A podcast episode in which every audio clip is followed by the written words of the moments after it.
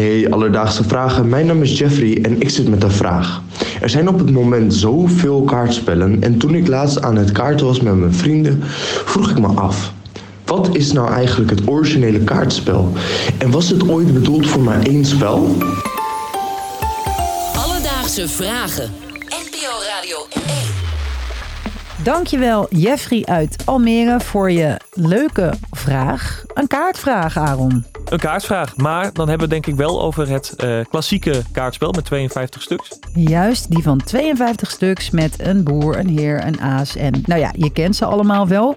Ehm, ja, wat een zoektocht was deze vraag, Aaron. Was het niet makkelijk? Het was eh, niet makkelijk en ik had van tevoren ook niet verwacht dat ik in een wereld terecht zou komen waar zoveel over te vertellen valt.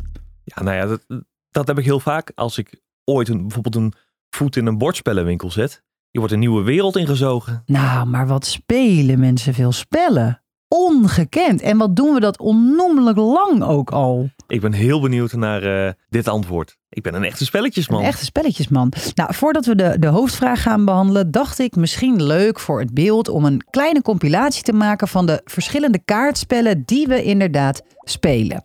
En dus heb ik dat even bij mijn vrienden gecheckt. Wat is nou eigenlijk jullie favoriete kaartspel? Mijn lievelingskaartspel aller tijden is Canasta. Poker. Of toepen. Maar ik ga voor poker. Ik ben wel beter in toepen.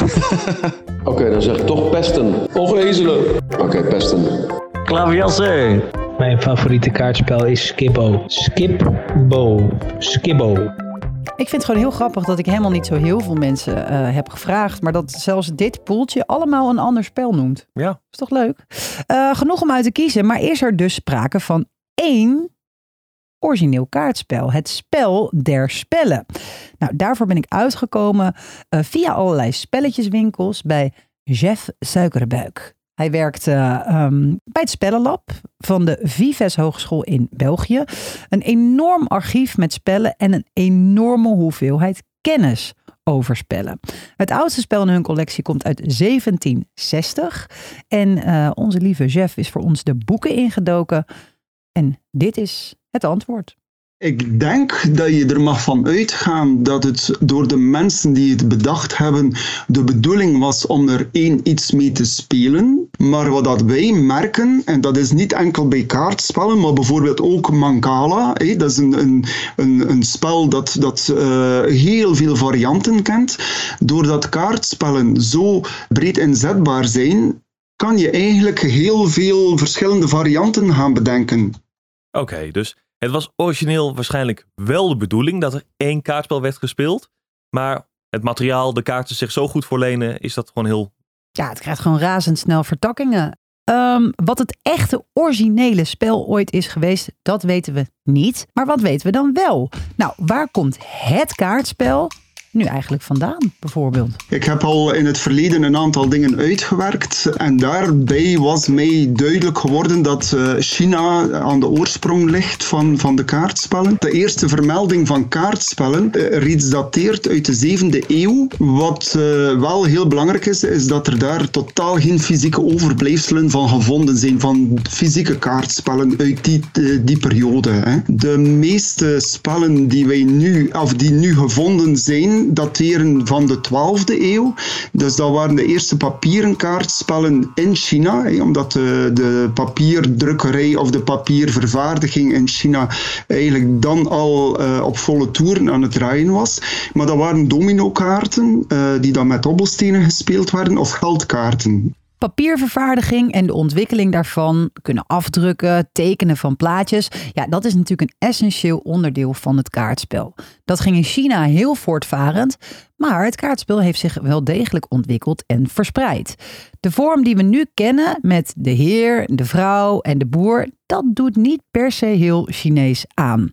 Nee, die vorm hebben we waarschijnlijk te danken aan de Mamelukken. Een mix van Turks, Caucasisch, Oost- en Zuidoost-Europese volkeren.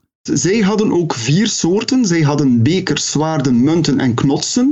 En dan de harten die wij nu kennen, die kan je ver, uh, koppelen aan de bekers en dat wel de, de geestelijken voorstellen. Dan de schoppen kan je linken aan de zwaarden en dat was de, de adel en de militairen uit de middeleeuwen. Dan de ruiten kunnen gekoppeld worden aan de munten en dat waren dan de kooplieden. En dan de klaver. De klaver kun je koppelen aan de knotsen en dat stelde dan de boeren voor. En bij ons, en dat, dat wijst dan voornamelijk naar Frankrijk, hè, dus in Frankrijk hebben ze de koning genomen, ze hebben dan een dame genomen en dan nog een boer. Hè, dus waardoor dat wij nu uh, de koning, de dame en de boer kennen.